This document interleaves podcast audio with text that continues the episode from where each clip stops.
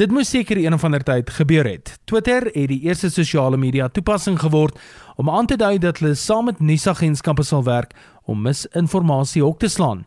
Verskeie klagtes is reeds ingedien teen persone wat valse inligting versprei of mense om die bos probeer lei, veral ten opsigte van die COVID-19 pandemie.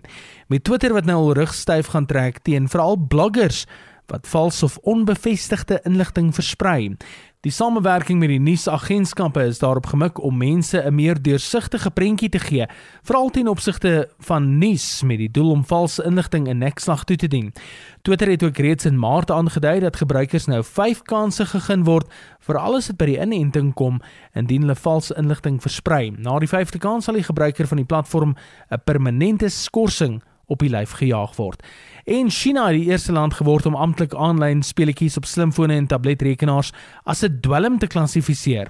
Die inligting beskikbaar is op hierdie stadium nog vaag, maar daar kan verwag word dat daar stappe geneem sal word om dit te probeer regstel.